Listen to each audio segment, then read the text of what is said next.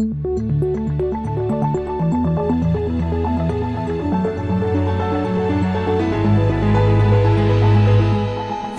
This Morning.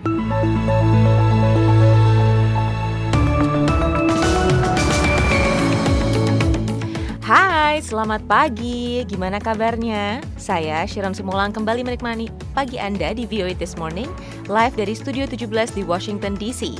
Tentu saja saya nggak sendirian, saya ditemani produser Bani Rahayu dan teknisi Jimiko. 24 Mei 2023 menandai satu tahun peristiwa penembakan massal di Robb Elementary School di Uvalde, Texas yang menewakan 19 anak dan dua orang guru. Investigasi terhadap keraguan-raguan polisi dalam insiden penembakan di hari itu masih terus berlangsung hingga saat ini. Masalah penggunaan senjata api di Amerika Serikat hingga hari ini belum juga selesai. Menurut data Associated Press pada awal Mei lalu, tahun ini belum kelar semester pertama, Amerika Serikat sudah memecahkan rekor dengan sekitar satu serangan per pekan. Mengerikan ya? Anyway, dalam VOA This Morning edisi Kamis 25 Mei 2023, redaksi VOA sudah menyiapkan sejumlah berita menarik untuk Anda. Sekretaris Jenderal NATO pada hari Rabu memperingatkan negara-negara yang mendukung Ukraina agar tidak meremehkan Rusia. Kita tidak boleh meremehkan Rusia karena memang benar mereka telah mengambil banyak korban. Jaringan Advokasi Nasional Pekerja Rumah Tangga atau JALA PRT mendesak DPR untuk segera membahas RUU Perlindungan Pekerja Rumah Tangga atau RUU PPRT hal-hal yang telah terjadi selama ini itu dapat diminimalisir ya, dapat dihindari begitu karena melindungi kami dan juga pemberi kerja kami begitu. Pendengar, siaran ini juga bisa Anda simak secara live streaming di situs kami www.voaindonesia.com atau mampir ke podcast VOA This Morning di platform podcast langganan Anda. Sekarang, mari kita simak berita dunia bersama Karlina Amkas. Selamat pagi, jadwal pengiriman jet tempur F-16 ke Ukraina masih akan diputuskan, kata Sekjen NATO Jens Stoltenberg Rabu. Ukraina telah lama meminta jet tempur canggih itu supaya mereka bisa unggul dalam pertempuran melawan invasi Rusia yang kini berlangsung untuk tahun kedua. Gedung Putih telah mengumumkan bahwa Presiden Biden mendukung upaya internasional untuk melatih dan pada akhirnya memberi Ukraina F 16 yang telah lama diminta. Uh, Pada tahap tertentu kita memiliki opsi untuk juga mengirimkan pesawat, tetapi kapan, bagaimana, dan seterusnya masih harus diputuskan, kata Stoltenberg dalam jumpa pers di Brussels. Ia berbicara bersama Perdana Menteri Latvia, Kristianis Karins, yang menyatakan keyakinannya bahwa Swedia pada akhirnya akan bergabung dengan NATO. Permintaan Swedia untuk bergabung dalam NATO masih mandek karena ditentang Turki dan Hungaria. Padahal, kedua negara akhirnya menyetujui permintaan Finlandia. Swedia dan Finlandia mengajukan keanggotaan NATO pada Mei 2022. Kedua negara Nordik yang bertetangga mengabaikan sikap non-blok selama puluhan tahun setelah invasi Rusia ke Ukraina. Arab Saudi dan Kanada akan memulihkan hubungan diplomatik penuh, kata kerajaan itu Rabu. Pada 2018, kedua negara berselisih soal hak asasi manusia dan berakhir dengan Saudi mengusir duta besar Kanada dan membekukan perdagangan baru. Keputusan itu yang juga diumumkan Kementerian Luar Negeri Kanada muncul setelah pembicaraan tahun lalu antara putra mahkota putra mahkota Muhammad bin Salman dan Perdana Menteri Kanada Justin Trudeau di sela-sela KTT Forum Kerjasama Ekonomi Asia Pasifik di Bangkok. Menteri Luar Negeri Kanada, Melanie Jolie, Rabu mengatakan kedua negara akan menunjuk duta besar baru.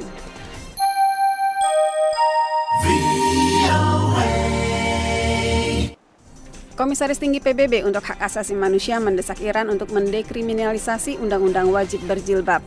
Komisaris memperingatkan bahwa pelecehan terhadap perempuan, termasuk apa yang mereka kenakan atau tidak kenakan, tampaknya meningkat sementara protes jalanan mereda perempuan dan anak perempuan menghadapi langkah-langkah hukum, sosial, dan ekonomi yang semakin keras dalam penegakan undang-undang wajib berjilbab yang diskriminatif oleh pihak berwenang, kata Volker Turk kepada wartawan di Jenewa, Rabu. Saya mendesak pemerintah agar memperhatikan seruan Iran bagi reformasi dan memulai dengan mencabut peraturan yang mengkriminalisasi ketidakpatuhan terhadap aturan wajib berpakaian. RUU itu menyebutkan jika orang dan lembaga tidak mematuhi undang-undang berjilbab, mereka pertama-tama akan diperingatkan dan didenda atau lembaga mereka akan ditutup. Jika terus melanggar, mereka akan dituntut secara hukum. Gubernur Florida dari Partai Republik Ron DeSantis secara resmi menyatakan pencalonannya sebagai presiden dalam pemilu 2024. DeSantis menambah sesak deretan kandidat presiden dari Partai Republik. Ia kemungkinan akan menjadi ancaman terbesar bagi kepemimpinan mantan Presiden Donald Trump dalam jajak pendapat. Tina Turner, salah seorang artis rekaman terbaik sepanjang masa, meninggal Rabu pada usia 83 tahun. Penyanyi kelahiran Amerika itu meninggal setelah lama sakit di rumahnya di dekat Zurich, Swiss, kata perwakilannya. Turner memulai karirnya pada 1950-an dalam tahun-tahun awal rock and roll dan berkembang menjadi fenomena MTV.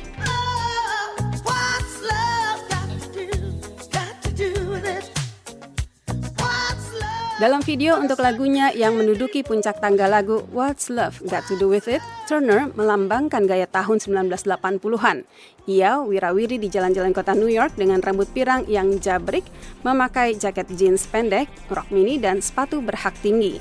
Kadang-kadang dijuluki Ratu Rock and Roll, Turner meraih 6 dari 8 Grammy Awards pada 1980-an.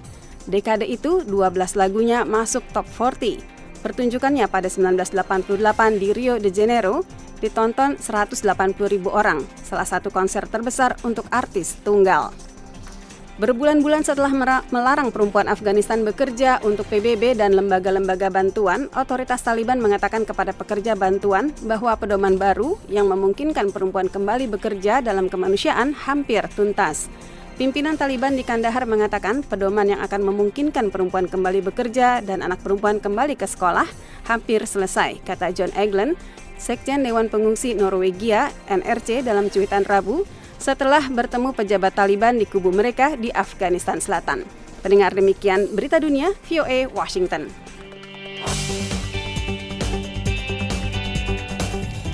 Sekretaris Jenderal NATO pada hari Rabu memperingatkan negara-negara yang mendukung Ukraina agar tidak meremehkan Rusia. Sementara Perdana Menteri Rusia mengatakan tekanan dari Barat memperkuat hubungan Rusia dengan Tiongkok. Sekretaris Jenderal NATO Jens Stoltenberg memperingatkan negara-negara yang mendukung Ukraina untuk tidak meremehkan Rusia. Dia menekankan pentingnya mempersiapkan diri untuk jangka panjang dan satu-satunya cara untuk melakukan itu adalah memastikan bahwa Eropa dan Amerika Utara berdiri tegak bersama. We should not underestimate Russia. Kita tidak boleh meremehkan Rusia karena memang benar mereka telah mengambil banyak korban. Mereka memiliki moral yang buruk, peralatan yang buruk, pelatihan yang buruk, logistik yang buruk, kepemimpinan yang buruk. Tetapi kekurangan kualitas mereka itu mereka tebus secara kuantitas. Berbicara di forum German Marshall Fund di Brussels, Stoltenberg mengecam Rusia dan menuduh negara itu memiliki peralatan, pelatihan, dan moral yang buruk mengenai Presiden Rusia Vladimir Putin dan perangnya di Ukraina, Stoltenberg mengatakan, Presiden Putin made at least two big strategic mistakes. Presiden Rusia Vladimir Putin membuat setidaknya dua kesalahan besar secara strategis. Salah satunya adalah meremehkan Ukraina. Keberanian, tekad, kegigihan rakyat Ukraina, kepemimpinan politik Ukraina, dan angkatan bersenjata Ukraina. Stoltenberg memuji senjata dan peralatan yang dikirim ke Ukraina oleh sekutu-sekutunya dengan menyatakan bahwa semua bantuan itu membuat perbedaan di medan tempur. Sementara itu, Perdana Menteri Rusia Mikhail Mishustin dalam pertemuan dengan mitranya dari Tiongkok di Beijing Rabu mengatakan tekanan dari Barat memperkuat hubungan Rusia dengan Tiongkok. Kunjungan Mishustin dilakukan sementara Rusia semakin beralih ke Tiongkok untuk mendapatkan dukungan diplomatik dan ekonomi di tengah meningkatnya isolasi atas invasinya ke Ukraina. Dalam sambutan pembukaan pada pertemuan hari Rabu dengan Perdana Menteri Tiongkok, Li Qiang, Mishustin tidak menyebutkan perang yang telah berusia 15 bulan itu. Tiongkok telah menolak untuk mengecam invasi Rusia dan justru memusatkan perhatian pada kerjasama ekonomi antara kedua negara tetangga yang telah bersekutu untuk menantang kepemimpinan Amerika dalam urusan global. Misustin juga memuji eratnya hubungan antara Rusia dan Tiongkok. Сегодня отношения России и Китая находятся на saat ini, hubungan antara Rusia dan Tiongkok berada pada tingkat tinggi yang belum pernah terjadi. Hubungan ini bercirikan saling menghormati kepentingan satu sama lain, upaya untuk bersama-sama menanggapi tantangan baru yang ditimbulkan oleh meningkatnya pergolakan di arena internasional dan tekanan sanksi kolektif Barat yang tidak sah. Tiongkok mengatakan pihaknya netral mengenai perang Rusia di Ukraina, tetapi Tiongkok juga menyalahkan Barat yang dituduhnya memprovokasi Rusia dan telah mempertahankan hubungan diplomatik dan perdagangan perdagangan yang kuat dengan Rusia untuk menentang sanksi terhadap Rusia. Dari VOA Washington DC, saya Leonard Triono. Kepala Kantor Hak Asasi Manusia PBB memperingatkan hari Rabu bahwa terdapat laporan kekerasan seksual yang sangat meresahkan di Sudan sejak pertempuran antara dua jenderal yang bersaing di negara itu meletus. Laporan kantor berita Associated Press disampaikan Puspita Sariwati.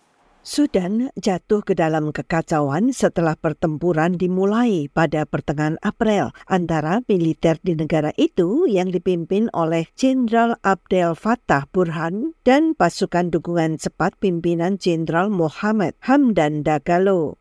Pertempuran itu telah menewaskan sedikitnya 863 warga sipil, termasuk sekitar 190 anak, dan melukai lebih dari 3.530 lainnya, menurut sindikat dokter yang melacak para korban sipil. Berbicara dalam jumpa pers di Jenewa, Komisaris Tinggi untuk Hak Asasi Manusia PBB, Volker Turk mengatakan PBB mengetahui setidaknya 25 kasus dugaan kekerasan seksual di negara itu. General Al-Burhan, General Dagalo, you must issue clear instructions. Jenderal Abdel Burhan, Jenderal Dagalo, Anda harus mengeluarkan instruksi yang jelas dan tegas kepada semua yang berada di bawah komando Anda bahwa kekerasan seksual tidak bisa diabaikan. Pelaku semua pelanggaran harus dimintai pertanggungjawaban. Warga sipil harus bebas dan kekerasan yang tidak masuk akal harus dihentikan. Komisaris juga membahas pelecehan rasis yang dialami oleh bintang sepak bola Vinicius Junior selama akhir pekan. Pemain berkulit hitam berusia 22 tahun itu menjadi sasaran pelecehan rasis sejak pindah ke Spanyol lima tahun lalu. Ia kembali menjadi sasaran pada hari Minggu ketika klub sepak bola Real Madrid kalah satu lawan nol melawan klub Valencia. Turk menekankan lebih banyak yang perlu dilakukan untuk memberantas diskriminasi rasial dalam olahraga. Kembali mengenai konflik di Sudan, Kepala Misi Bantuan Transmisi Terpadu PBB di Sudan atau UNITAMS, Volker Perth mengatakan, Both parties have been calling on me Kedua belah pihak meminta saya untuk mengutuk tindakan masing-masing pihak. Saya menyerukan agar keduanya mengakhiri pertempuran dan kembali berdialog demi kepentingan Sudan dan rakyatnya. PBB memperkirakan 15 juta orang di Sudan membutuhkan bantuan sebelum pertempuran meletus. Kini bantuan untuk keperluan itu meningkat menjadi 18 juta. Puspita Sariwati, VOA, Washington.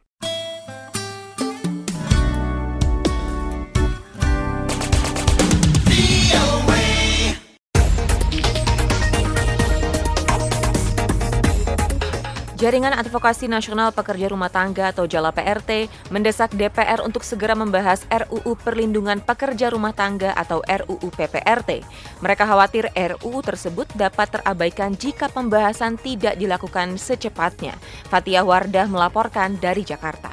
Satu minggu lalu, pemerintah telah merampungkan pembahasan Daftar Inventarisasi Masalah atau DIM untuk rancangan Undang-Undang Perlindungan Pekerja Rumah Tangga. DIM itu berisi 367 pasal terkait perubahan substansi, redaksional, dan urutan termasuk soal usulan perubahan khususnya pada mekanisme perekrutan dan penempatan PRT dan peningkatan keahlian dan keterampilan PRT. Koordinator Jala PRT Lita Anggraini menyerukan DPR untuk segera membahas RUU Perlindungan Pekerja Rumah Tangga itu pada masa sidang kali ini yakni 15 Mei hingga 13 Juli. Untuk itu ia meminta Badan Musyawarah dan pimpinan DPR segera menetapkan pembahasan RUU tersebut dalam rapat paripurna terdekat. Jala PRT mengusulkan agar pembahasan RUU PPRT ini dilakukan oleh panitia kerja DPR sebelumnya. Hal ini mengingat juga penguasaan materi dan mengingat waktu yang sangat singkat, sementara kesibukan pemilu semakin padat. Saya mengingatkan agar DPR segera merampungkan RUU ini sudah 9 tahun di DPR dan inilah saatnya. Lita khawatir RUU PPRT bisa terabaikan jika pembahasan tidak dilakukan secepatnya, sebab yang masuk dalam pembahasan Badan Musyawarah DPR juga ada RUU Kesehatan dan RUU Perampasan Aset. Terkait substansi, Lita menegaskan RUU itu dirancang untuk memberikan perlindungan bagi pekerja rumah tangga dan pemberi kerja. Perlindungan tersebut dari hulu hingga hilir, mulai dari prakerja hingga pasca kerja. Perlindungan tercantum dalam sistem yang terintegrasi baik itu pendataan, pengawasan, perekrutan, penempatan antar kementerian dan lembaga. Dia mencontohkan hubungan kerja pekerja rumah tangga dengan pemberi kerja diketahui dan terdata di semua pihak terkait, baik pekerja rumah tangga itu sendiri, keluarganya, ET dan RW tempat dia tinggal, aparat desa atau kelurahan dan terhubung dengan kementerian dan lembaga. Salah seorang pekerja rumah tangga dari Semarang, Nur Hasana berharap DPR dapat segera membahas sekaligus mengesahkan RUU Perlindungan Pekerja Rumah Tangga agar hak semua pekerja rumah tangga terlindungi dan status mereka diakui sebagai bentuk pekerjaan sebagaimana yang lainnya bagi kami yang sudah mengalami banyak kekerasan, pelecehan, diskriminasi, dan macam-macam. Nah, harapan kami melalui RUU Undang-Undang Perlindungan PRT ini, hal-hal yang telah terjadi selama ini itu dapat diminimalisir ya, dapat dihindari begitu, karena melindungi kami dan juga pemberi kerja kami begitu. Wakil Ketua Badan Legislasi DPR Willy Aditya menyatakan hingga saat ini lembaganya belum menerima DIM dari pemerintah. Hingga laporan ini disampaikan, VOA belum mendapatkan jawaban dari pihak pemerintah mengapa belum mengirim DIM yang sudah selesai dibahas 16 Mei lalu. Dari Jakarta, Fatia Wardah melaporkan untuk VOA Washington.